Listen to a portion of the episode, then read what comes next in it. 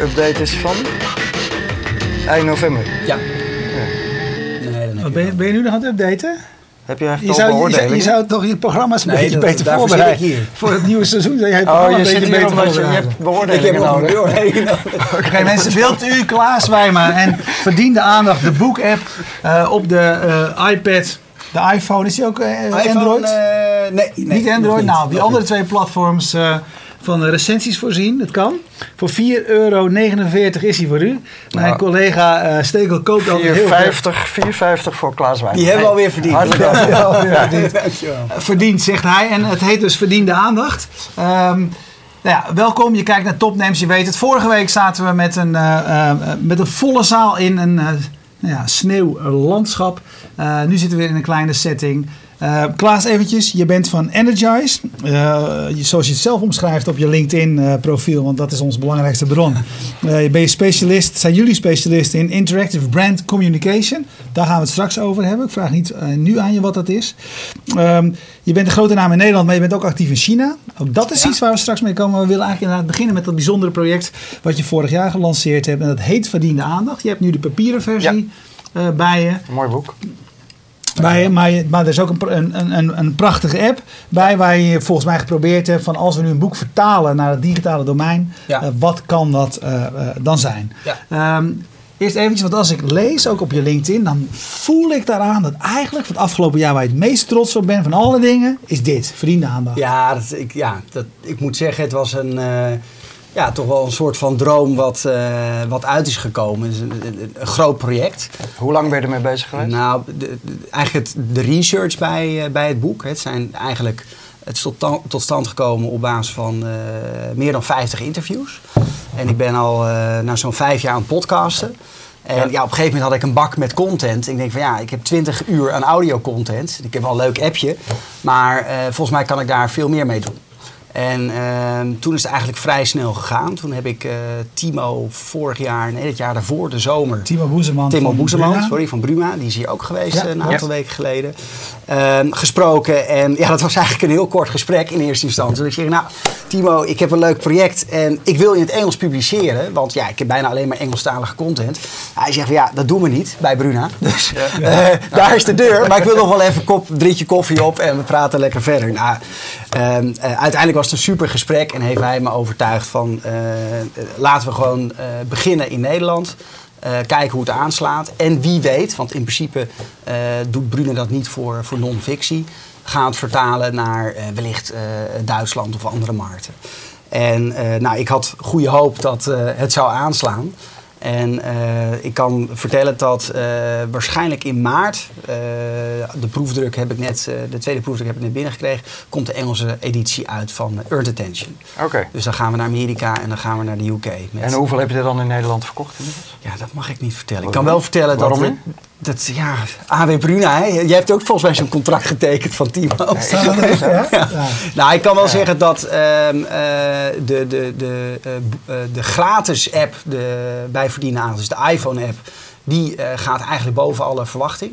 Dus dat, dat aantal gedownloade eh, apps is ongeveer vergelijkbaar met de, de boeken verkopen. En de iPad-app is lastig. Want je zit, Wat heeft hij eh, nou gezegd eigenlijk? Nee, niks. Ja.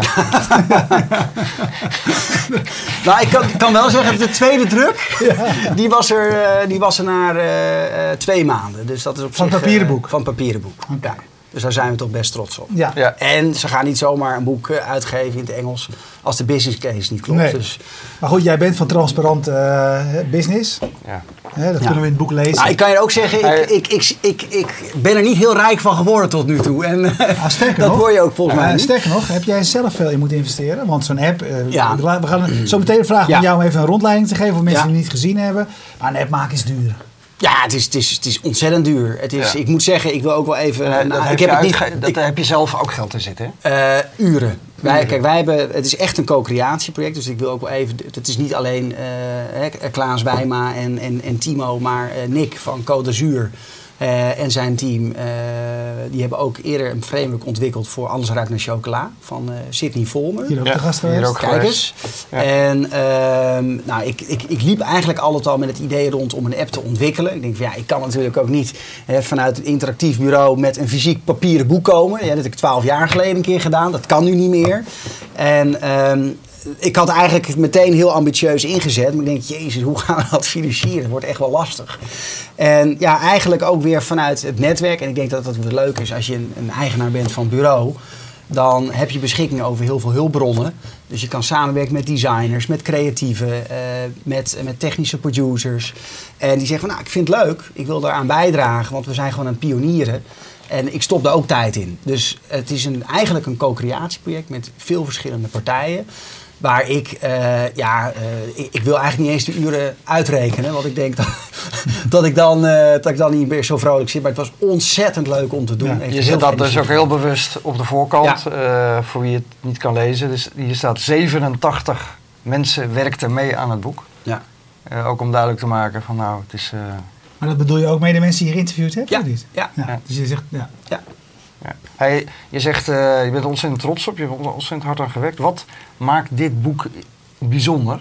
Nou, Want er zijn natuurlijk ongelooflijk veel boeken Ja. over social media, merken, activeren, eh, alles, noem maar op. Wat, Nou, wat onderscheidt dit boek van al die anderen? Ik denk dat het, eh, het is meer dan een boek. Het is een, eh, het is een platform, hè, hoe ik het ook vaak eh, positioneer. Het is een, eh, het is een belevingsboek. Eh, sowieso het fysieke boek als de app. Als je doorheen scrolt, eh, dan krijg je ontzettend veel rijke content eh, tot je beschikking. Het is een sociaal boek, want we hebben in de app eh, en op Twitter claimen we eigenlijk ook de hashtag verdiende aandacht. Nou, daar kan je op zoeken. En daar zie je eigenlijk vragen van lezers terugkomen. Dus eh, Dus je binnenkort... bent er nu nog mee bezig? Ja, ik ben er eigenlijk dagelijks mee bezig. Het is een luisterboek, omdat het dus die eh 50 podcasts in zich herbergt. Dus het is eigenlijk veel meer dan een boek. Het is eigenlijk een... eh, ja, ik, ik, ik, ik moet zeggen, eh, Ben, eh, Ben van den Burg, die zag het ook, de app. En die zei van, ja, je zou het eigenlijk kunnen omschrijven als een soort van second screen boek. En dat vond ik eigenlijk wel een hele mooie typering. Want je hebt, we bieden eigenlijk een diepere laag in een boek aan. Eh, Weet je wat, dat lijkt mij goed als jij gewoon even Ja. een rondleiding doet. Want Ja, voor, voordat je dat doet, hartelijke groeten van uh, Linda Duits, die bij jou Oh, in de wat klas leuk. heeft gezeten. Ja, zeker. En die jou nog kent onder de naam Klaas Willem. Ja, zeker. Ja. Ja. En zo kregen we ook nog een vraag. Dat past Iemand- niet op de cover. nee. Echt, ik meen, ik meen Eggert of zoiets dergelijks. Die vroeg of hoe dat eh, yoga en zaken samen gaat. Nou, dat heeft, dat heeft wel met de filosofie van verdienen aandacht te Ja, maken. oké. nou, yoga gaan we Dus straks het- ah, ah, dus even cliffhangertje. Ja, ja. Ehm, En dan voor de, nog, Ja. voor, voordat je begint, uh, uh, Mac Exter, die heeft even de intro gemist. Valt nog even in drie Ja. zinnen voor hem samen waar het boek over gaat. Ehm, ja, eigenlijk in één zin zou ik het kunnen doen. Ehm, eh, aandacht eh, eh, moet je verdienen en bereik kun je kopen. En die hele filosofie, eh, waarbij aandacht steeds schaarser wordt, die beschrijf ik in het boek. Dus daar, ehm, daar gaat het boek over. En ik ga nu dan de app laten zien. Oké, is duidelijk. Ik kom straks op het onderwerp terug. Ja. Oké. Ja? Oké, Peter, als je even kan schakelen naar, eh, naar de app. Heel goed. Eh, nou, de app, je, het startscherm. Eh, wat grappig is, je hebt de cover, maar je hebt aan de linkerkant heb je meteen een, eh, een mogelijkheid om eh, in te loggen via Facebook en Twitter. Nou, ehm, even kijken. Nou, je ziet dat Erwin eh, meerdere accountjes heeft. Dus laten we even onder Erwin Blom eh Ja, daarom. Mijn kinderen zitten hier, zitten hier ook op. Dus dat, Game, eh, Game Testers op. United. Ehm, je ziet ook meteen, ik dacht van ja, een boek schrijven, daar zit altijd een, een voorwoord in. Maar als je een app maakt, dan kan je daar ook een videoboodschap eh, aan koppelen. Nou, en daar zit, heb ik Joseph Jeffy gevraagd van uh, Clip the Funnel onder andere, om een, uh, een video forward op te nemen. Dus uh, die staat er ook in. Ik weet niet of die bij Peter binnenkomt dat wij hem aan moeten zetten als we het geluid willen horen. Ja, ja oké. waar, zit, waar zit het volume ook weer op dit apparaat? Hierboven ergens geloof ik. Daar. Oh. Zo. Nee, kom eens. Die kant op. Zo. Ja, ja. gaat goed. Uh, dus die kunnen mensen uh, ook gewoon online googlen. En dan kan je het, het uh, kan je hem, kan je hem ook vinden. Nou, je gaat als de app in, als het ware vergelijkbaar met, met e-books. Alleen ik moet zeggen, de techniek die Code heeft ontwikkeld, het hele framework. Ze hebben eigenlijk e-books helemaal nagebouwd. Maar het geeft wel een heerlijke beleving alsof je echt door die schermen heen bladert. Nou, wat ook wel grappig is, ehm, er zitten allerlei infographics in het fysieke boek. Maar die hebben we geanimeerd in, ehm, in de app. Ja. Zodat het wat een rijkere beleving geeft. En eh, nou, je kan eigenlijk op verschillende manieren door het boek navigeren. Eh, natuurlijk via de index. Onderin de pagina met twee keer klikken zie je ook alle corresponderende kleuren van, eh, van de onderdelen. En als je aan het lezen bent, die zegt van nou, ik, ik vind het leuk om daar een notitie bij, bij te maken. Sleep je naar beneden en dan klik je op My Notes. En, nou, je hebt op dit moment nog geen notities geplaatst. Maar op die manier kan je, eh, kan je notities maken tijdens het lezen van de tekst en daar later op, eh, op terugkomen. Nou, als je aan het le- lezen bent, zie je ook overal in de tekst interactieve markers. Die zijn eh, nou, blauw gearceerd. Als je daarop klikt je wil bijvoorbeeld wat meer weten van... nou, waar komt dat above the line, below the line, through the line... nou allemaal vandaan. En dan klik je op. Ehm, en eh, daar zie je in dit geval een verwijzing naar Wikipedia. Maar ook eh, soundclips, eh, YouTube-films, achtergrondinformatie zit daarin. Nou, wat ook aardig is, nou, ik, die Wijma, eh, wat, hij hier allemaal bedoelt, ik weet het niet. Ik wil mijn vraag stellen. We zijn nu ingelogd met Twitter, dus automatisch eh, wordt de hashtag gebruikt, zodat je ook gewoon mij een vraag kan stellen. Dat kan ook via Facebook en die komt dan rechtstreeks in de timeline komt die, eh, komt die zichtbaar binnen. Nou, wat ook grappig is, is dat allerlei feitjes in het boek, die, eh, die kun je ook meteen delen. En eh een hele leuke vond ik, nou we hadden het over Linda Duits, maar iets later, ehm, toen ik nog studeerde, kwam Hans Breukhoven een gastcollege geven. En het was in 1979, eh 1979, hoe mij dan, 1997. En ik stelde me een vraag, ja, CD Now, hè, dat was de tijd van CD Now. Word je daar niet heel erg bang van? En wat doe je nou met je fysieke winkels? Hij zegt van, nou, Weet je, die, die, die luchtballon of die, het internet is een zeebel, dat waait wel over. Nou, dat vond ik zo'n mooie quote, die heb ik opgeschreven. Maar als je zegt, nou, die vind ik leuk, die kan je dus automatisch ook weer delen door erop te klikken. En ehm, eh, op die manier eh, ja, content vanuit het boek wereldkundig maken. Nou, alle interviews, eh, waaronder ook met jou, die, eh, die staan allemaal eh, in de podcast-sessie. eh, sectie. Nou, je Nou, van, dat zou nou, ik kunnen zeggen, dat was nog steeds de basis. De basis Dat was echt de Al die basis. gesprekken die Ja. je gevoerd had. Dus in bijvoorbeeld Dauphine en alle andere plekken. Ja. Kom je aan met je microfoontje je, neerzetten, ja, praten. Ja, klopt. En ja, dankzij geluidsstudio Dedecom is dat steeds professioneler geworden. Die doen nu de edit gewoon omdat ze het ook leuk vinden. En het wel grappige is... gewoon even zo'n naam eventjes subtiel. Het is dankzij geluidsstudio. Nee, dat is zeer professioneel. Nee, maar dat is Ja. belangrijk. Want die jongens die werken allemaal hard. Het is niet mijn show, weet je. Dat, dat verdient de aandacht, nogmaals. Je moet het verdienen. Ja, hè? vind ik ook. Nee, dankzij eh, Studio Video Bricks vind ik ook. Kijk jullie naar deze mooie uitzending. Hey, Peter, we hoeven niet altijd naar die app te zitten kijken als we gewoon aan het praten zijn. Nee. Ja. Nou, die, alle, alle interviews die zijn ook getagd. Dus je wil eh, bijvoorbeeld wat weten over metatrends. Je wilt weten over social journalism. Dus gaan we kijken over jou terug, over social media. Laten we eens kijken wat daarop op op terugkomt. Wie zijn daar de, de, de visionairs op? Eh, kijk, daar hebben we Erwin Blom. Eh, overigens, alle illustraties zijn handgetekend door een collega van mij. Dat heeft hij echt fantastisch gedaan. En het grappige is, je kan dus ook met jou in contact komen. Dus sinds jij in de app zit en straks naar de UK gaat, dan zie je je Twitter-volgers Yes. Exploderen. als een malle gaan. Exploderen. Dus dat, eh, dat is in, eh, in een korte samenvatting eh, eh, de app met natuurlijk, als je zelf aan de slag eh, wil gaan, aan de, aan de slag wil gaan met verdienen aandacht, de reisplanner. Om eh, eigenlijk een zes stappenplan hoe je ja, je merk klaarstoomt. Ja. We gaan hoe straks is- naar het onderwerp. Hoe, hoe is het bij jou begonnen? Ben je begonnen met na te denken over de app? Of had je meer, ben je begonnen vanuit het boek? Ik ben eh, begonnen vanuit het concept. Dus wat eigenlijk de rode draad. eh, Mhm. de- ik ben naar Texel gegaan. Volgens mij ben je er ook nog wel eens te vinden. Ja, nee, maar omdat je zegt die podcasts waren eh, heel belangrijk. Dat was natuurlijk toch een vrij willekeurige Ja. verzameling. Weliswaar zat er natuurlijk een thema in vanuit je Ja, bureau. En vanuit je mijn interesse. en je vak. Klopt, ja. Eh, maar ja, je, er was iemand in Nederland en je, je had de toegang van, eh, en daar precies. stap je op af. en- klopt. ja. Ja, nee, helemaal. Dus het is, dat- het is wel back, het is wel, ik zou eerlijk zijn, het is wel natuurlijk backwards engineering, om het even Ja. zo mooi te zeggen. Tuurlijk. Maar eh, uiteindelijk heb ik wel gekeken, ik heb ook niet alle interviews gebruikt Mhm. bij de totstandkoming van het boek.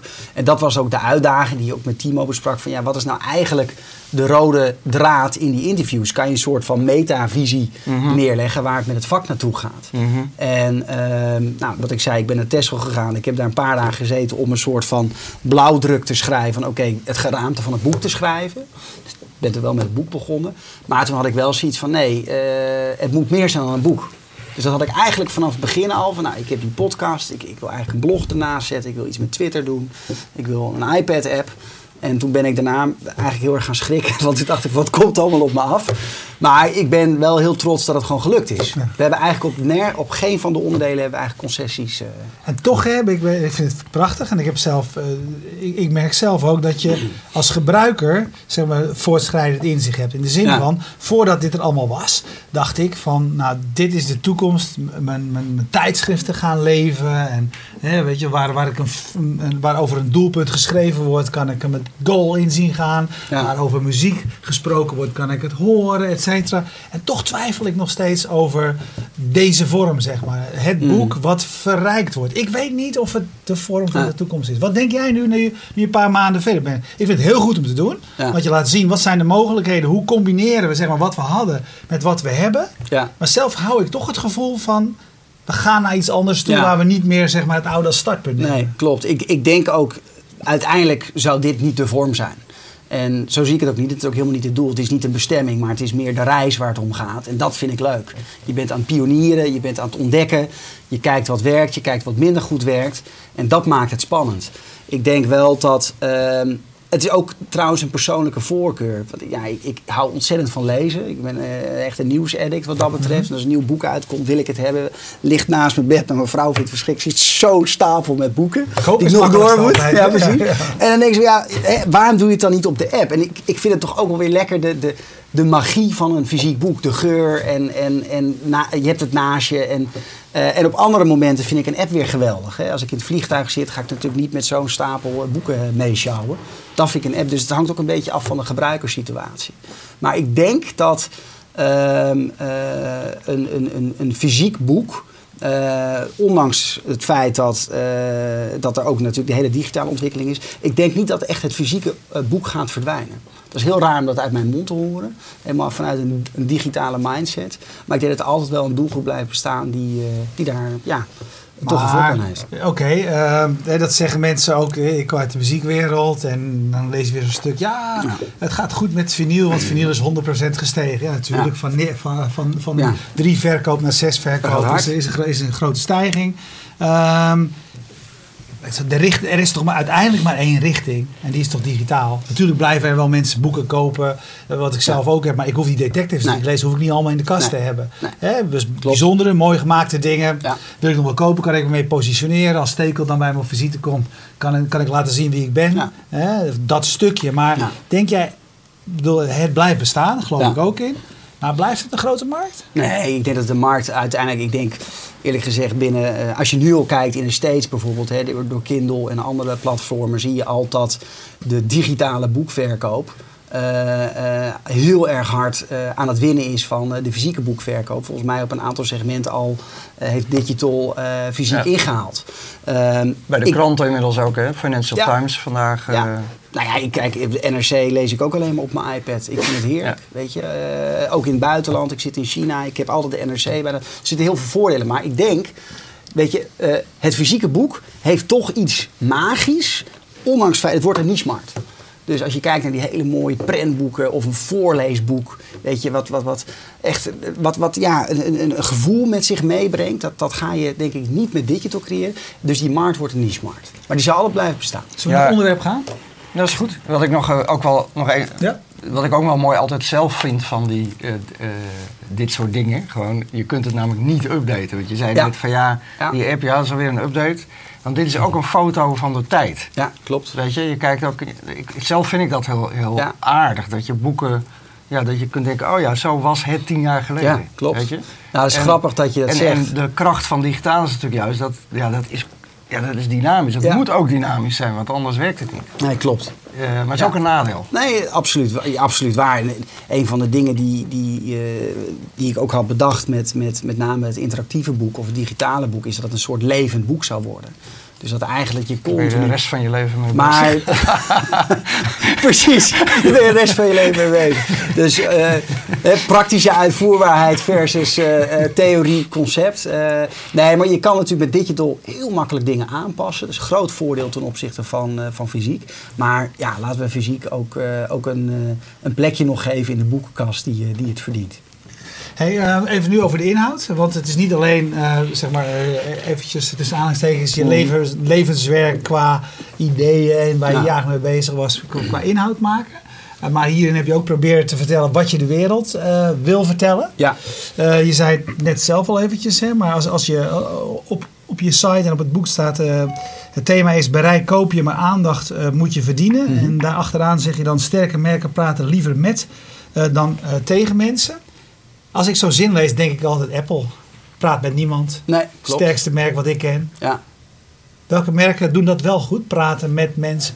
Nou, ik denk dat. Uh, ja, ik, ik, beschrijf natuurlijk een aantal eh, bekenden in mijn boek. Uh, Hi, KLM, wat natuurlijk het erg goed doet. Uh, maar laten we eerlijk wezen, wel noodgedwongen. Hè? Ze, hadden, ze hadden eerst uh, die hele uh, toestand nodig dat ze ja. niet gevlogen mocht worden. Ja. En dat is eigenlijk de reden geweest. Ze hadden eerst een drama nodig om te gaan praten Klopt. op deze manier zoals ze nu doen. Klopt. Nou, laat ik een ander voorbeeld geven die ik niet in mijn boek behandel. het is een voorbeeld wat wij samen met ING onlangs twee weken geleden hebben gelanceerd. En dat is vorige week opgepakt ook door Financial Times. Dus dat moet je als journalist aanspreken. Banken hebben het ontzettend lastig. Hè, uh, kredietcrisis, uh, nou, talloze documentaires uh, over geweest. Wat voor, nou, wat voor problemen eigenlijk de, de hele banken zien uiteindelijk hebben veroorzaakt. En wat ik heel mooi vind is dat ehm, eigenlijk een ING-bank, wat natuurlijk voor iedereen een vrij afstandelijke bank is, zegt van nou wij moeten nu echt het roer omgooien. We zijn op zoek naar de next generation bankers, dus de bankiers van morgen. En waar moeten die aan voldoen?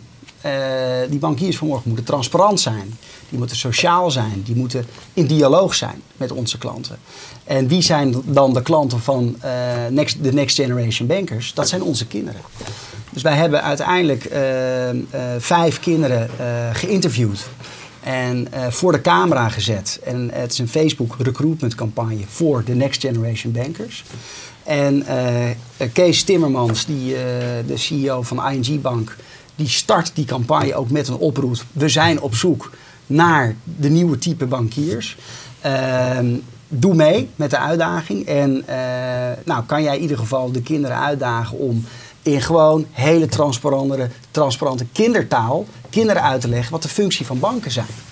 En als je ziet wat dat op Facebook doet, wat voor reacties dat oproept, dat is geweldig. En ik vind het een heel mooi voorbeeld hoe ja, merken van morgen, eigenlijk merken van vandaag, zich moeten, gaan, moeten gedragen. In plaats van alleen maar vanuit hè, GRP's te denken, bereik te denken, juist in dialoog te zijn en open te zijn. Maar hoe echt is dat, vraag ik me dan af. Want die CEO, die CTO, hoe al die bazen mogen heten, kan ik die bereiken? Als ik, een, als, als ik een Twitter bericht naar hun plaats, als ik Facebook iets zeg, krijg ik dan antwoord van ze? Of hebben ze gedacht, nou is mooi, weet je, we hebben die, we hebben die kekke gast uit Nederland, die snapt hoe het werkt. En vroeger deden we een reclamecampagne, hadden we mooie advertenties ergens staan. Nu hebben we iets anders, uh, een andere vorm van campagne. En dat is natuurlijk leuk, uh, leuk bedacht, klinkt fantastisch. Maar is het bedrijf daarmee, verandert het bedrijf daarmee echt? Nou, ik denk niet dat je dat met één campagne of één sociale nee, maar, is, maar is het een signaal van een verandering of is het gewoon een slimme nou, campagne? Ik vind het, nou, ik vind het wel een signaal van een verandering. Want uh,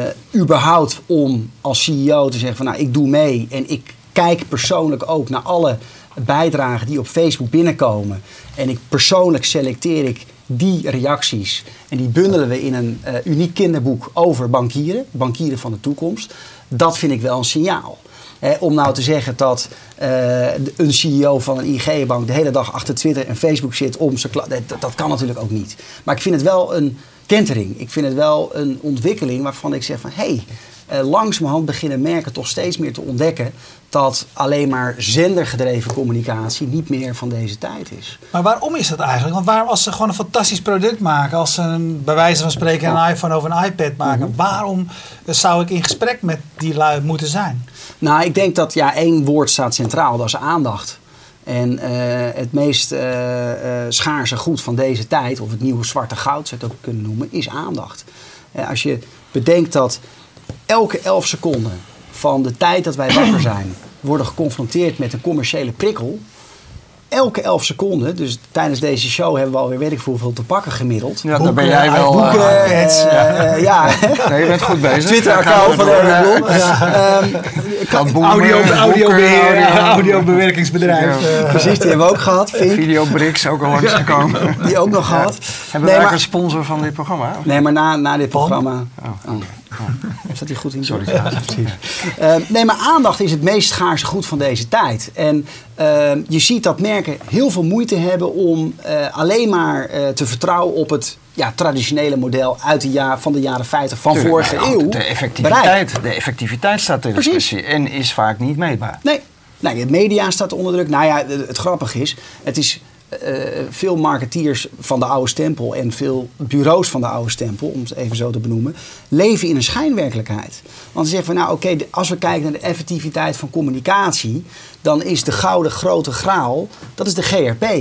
En voor de mensen die de GRP niet kennen, dat is een, maatstaf waarbij je bereik meet. uh, hoeveel procent van mijn doelgroep bereik ik en hoe vaak confronteer ik die met mijn boodschap.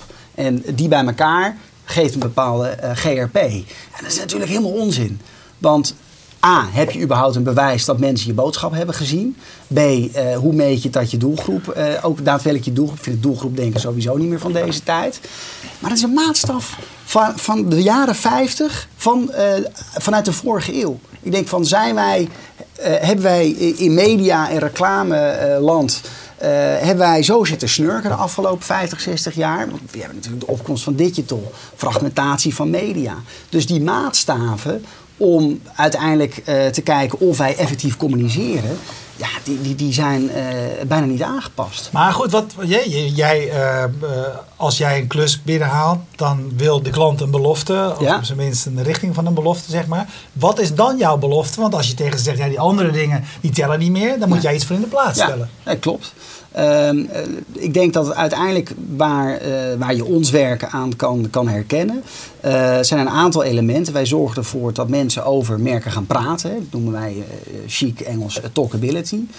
dus meet je het aantal door... tweets, het aantal Facebook berichten, ja. het aantal blogreacties, ja. het aantal, dat zijn de elementen? Ja, dat soort elementen. Dus er moet altijd iets in zitten waar mensen over gaan praten. Dat doe je door creativiteit, door unieke content. Het moet makkelijk deelbaar zijn. En dat doe je, als je het leuk vindt, dan ga je delen. En die twee samen zorgen uiteindelijk voor dat het merk ook meer uh, uh, leuk wordt en leuk wordt gevonden. Dus eigenlijk een, een verbeterde merkvoorkeurspositie. Ah, wat, geef, geef eens een voorbeeld. Welk, welk uh, project hebben jullie gedaan? Wat hebben jullie ervoor gedaan? En hoe heb je zeg maar, inzichtelijk gemaakt wat je hebt ja. bereikt? Nou, een van, uh, dat is nog een ander project waar ik trots op ben, naast natuurlijk het persoonlijke project Verdienen Aandacht. En dat is het werk wat wij in China hebben gedaan voor KLM afgelopen jaar. Uh, uh, KLM uh, staat uh, natuurlijk bekend in, in Nederland natuurlijk als een fantastische airline. In het Westen super bekend, hoge naamsbekendheid. Maar in China is de naamsbekendheid nog heel laag.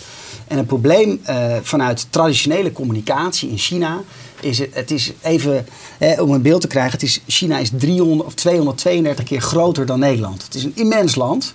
Nou, jij bent er ook geweest. En het is super duur om aandacht te kopen. En dat was geen optie voor, voor KLM. En je bedoelt in de vorm van als je advertenties, advertenties, billboards, uh, radiocommercials, et cetera. Dus wij zijn eigenlijk gaan nadenken van oké, okay, wat beweegt die doelgroep daar? Hoe kunnen wij uh, veel meer op een Aziatische manier uh, het merk onder de aandacht brengen? Hoe heb je dat gedaan?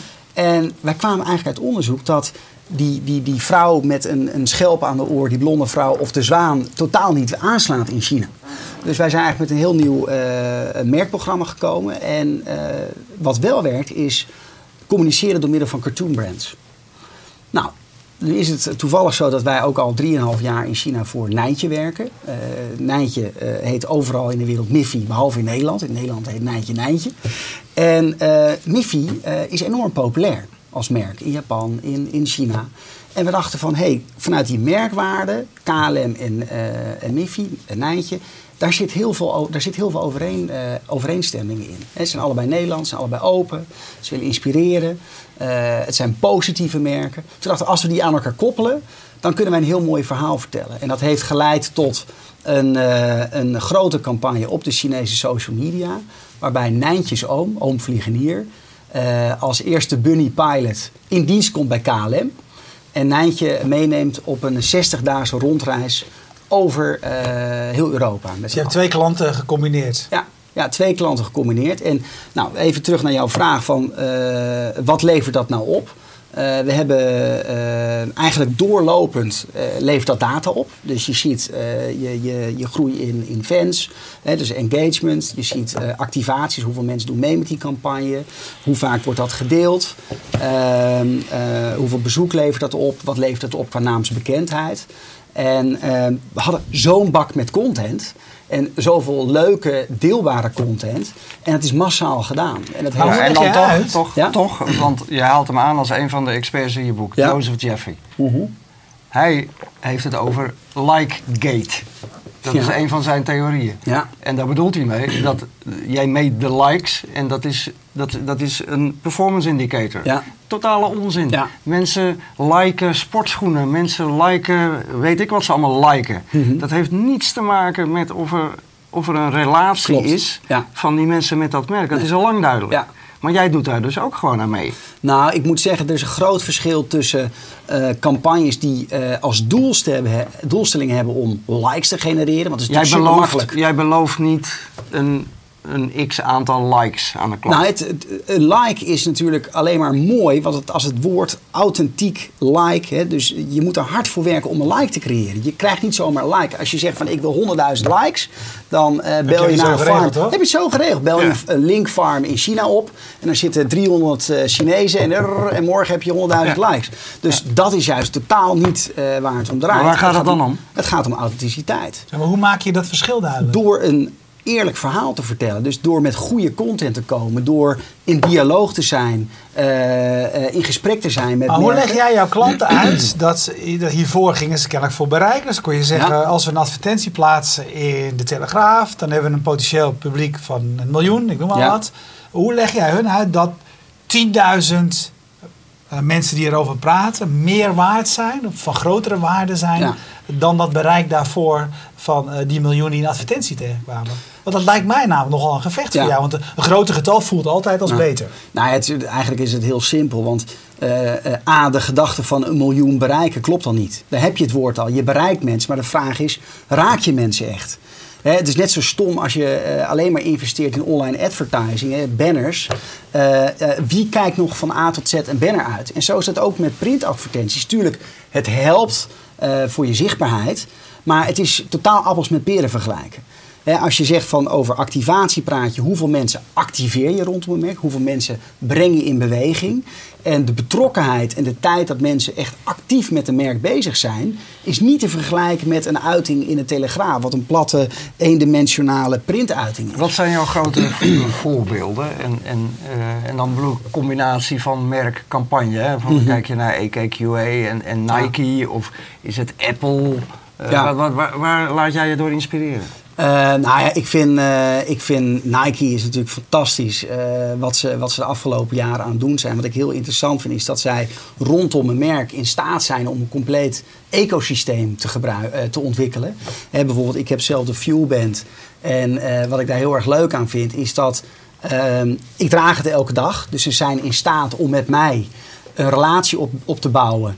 Uh, die zo persoonlijk is. Voor je het niet weet, wat doet dat ding? Nou, de Fuelband. Heel kort. Ja, heel kort. De Fuelband meet. is eigenlijk een digitale stappenteller. stappenteller. Dus het meet je calorieën, stappen op een dag. Maar er zit ook een, uh, een competitief element in. Dus via een iPhone-app kan ik zien, als je hem ook hebt, via Facebook Connect, uh, hoeveel vrienden van mij bewegen. En dan krijg je competitie.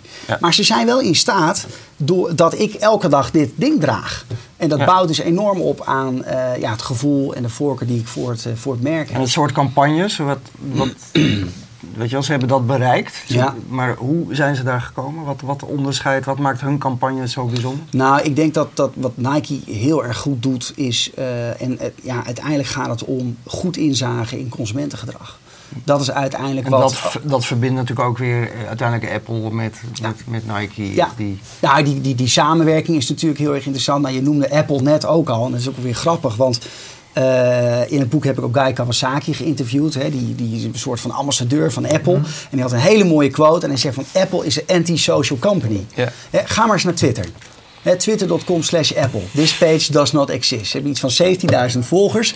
Apple hasn't tweeted yet. Ik vind het hilarisch, weet je. En dan denk ik van, ja, het klopt. En, en ik ben het zo met hem eens. Bijvoorbeeld Ning, hè, dat sociale netwerk dat Apple heeft opgebouwd. Doom to veel. Want hoe kan nou ooit Apple als... Een, het is niet een asociaal bedrijf, maar het is een, ze omarmen het, social media niet. Het is compleet gesloten. En de vraag is, hoe lang kunnen zij hier nog mee door? Hè? Je ziet natuurlijk het hele ellende met maps. Dus je ziet uh, met de iPhone 5 natuurlijk weer met een aantal uh, problemen gehad. Dus er komt steeds meer druk ook vanuit hun fans om uh, transparanter en opener te zijn. En, en daar is Nike weer toch weer een aantal stappen verder. Ik moet ook even wat vragen meepakken en ook wat berichten. Uh, er is een mankracht veegploeg op Loosdrecht aan, uh, actief om het uh, ijs sneeuwvrij te maken. Oh, dat is belangrijk nieuws. dat is belangrijk nieuws. Ja, sorry Klaas, maar we moeten even, even opschakelen. De Arend.nl kunnen we dat zien dankzij, dankzij Ed Koopal. Dank Ed. Dank Ed. Ja. Even kijken hoor.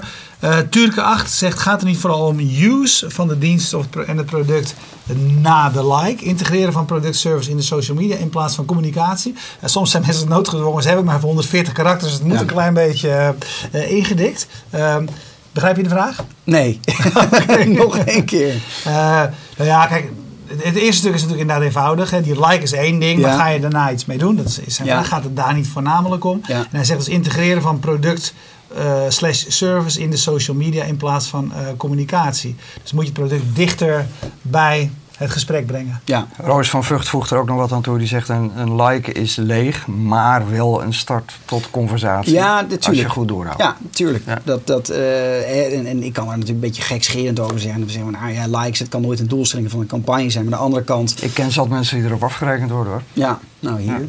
Ja. Uh, maar ik denk het is een startpunt. Uh, want als je een aantal fans hebt... Het belangrijke voor is dat het authentiek verzameld is. Maar als je echt een mooie groep met fans hebt...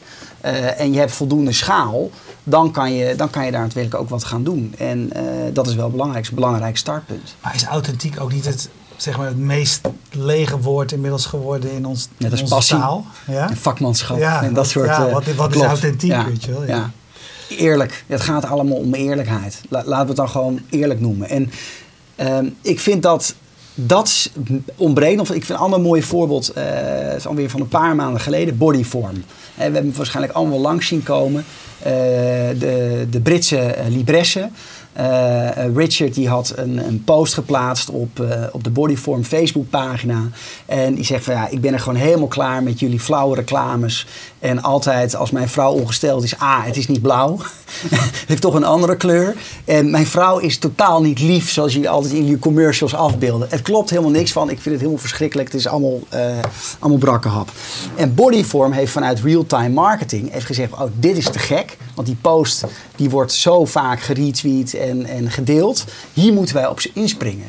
En ze hebben een acteur uh, uh, ingehuurd. Die hebben ze neergezet als CEO van Bodyform. Oh, ja. En die heeft een fantastisch ja. betoog gehouden. Ja, over, nou ja, over Bodyform. En over nou, dat deze manier alleen maar de enige manier was om te communiceren. Fantastisch gedaan. En ook nou, laat nog een scheet op het eind. En zegt van ja, by the way, I'm not the CEO. Dat staat dan online. Want Bodyform heeft helemaal geen CEO. Maar het is wel een manier om te communiceren. Open, real-time, in dialoog. En ik denk dat dat de toekomst is. Ja, ik wil we vliegen door de tijd. Ja. Ik wil nog even over China ook hebben. Ja, dat is goed. Ja?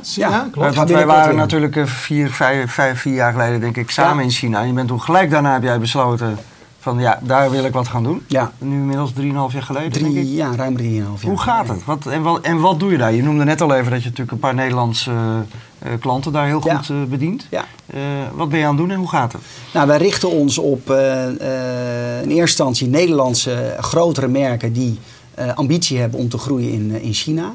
Uh, zo hebben we wat gedaan voor Heineken. Nou, KLM is een grote opdrachtgever voor ons, Nijntje. en je ziet dat eigenlijk in, in marketing in China heel erg nieuw is. Communicatie in China is heel nieuw. En natuurlijk door de veranderingen in, in politiek is het nu ook mogelijk om ja, commercieel communicatie te bedrijven. Ja. En daar liggen veel kansen op het gebied van nou, creativiteit, advies. dus wij helpen merken de stap te maken naar China. En als ze al in China zitten, om uh, met name via uh, social media uh, op een andere manier ja, te bouwen aan, aan de merken. die daar actief zijn. Ja, je hebt een bureau daar, met hoeveel mensen inmiddels? We zitten daar met, nu met tien man. Okay. we, zijn op, we zijn enigszins weer aan het, aan het zoeken uh, naar, uh, ik heb trouwens heel veel geëxperimenteerd, want we zaten op een gegeven moment 15 man. Dus een aantal mensen hebben weer uh, afscheid van genomen. Maar een van de grote lessen die ik heb geleerd van mijn tijd in, in China, is dat je, je kan wel een Chinese general manager aan het roer zetten, maar het is zo'n andere manier van, van denken. Dus ik ben heel erg hard op zoek naar iemand die zegt van nou, ik vind het een gave uitdaging om bij een start-up gewoon mijn boel te pakken en daar naartoe te gaan en die markt op te gaan.